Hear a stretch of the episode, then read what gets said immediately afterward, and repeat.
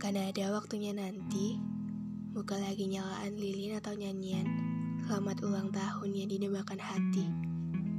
Bukan lagi kata maaf yang dicari-cari sebab hati sudah lama memaafkan.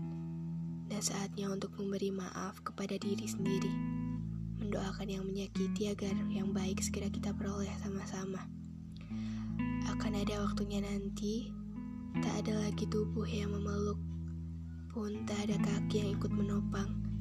Sebagaimana pekatnya cinta dan hangatnya rindu, ada doa sebagai wadah, lebih dari sekedar jarak yang memisahkan.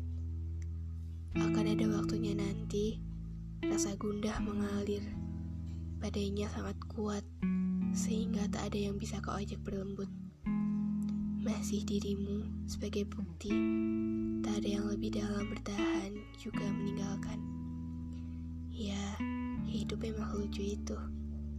Kenyataan selalu menegaskan tak ada istilahnya waktu untuk balik mundur.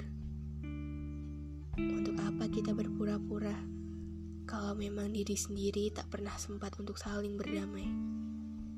Kalau jatuh tak apa, sembuh tak pernah menjanjikan tumbuh itu seperti apa nantinya. Lagi pula, kita hidup bukan untuk menjadi sempurna kan?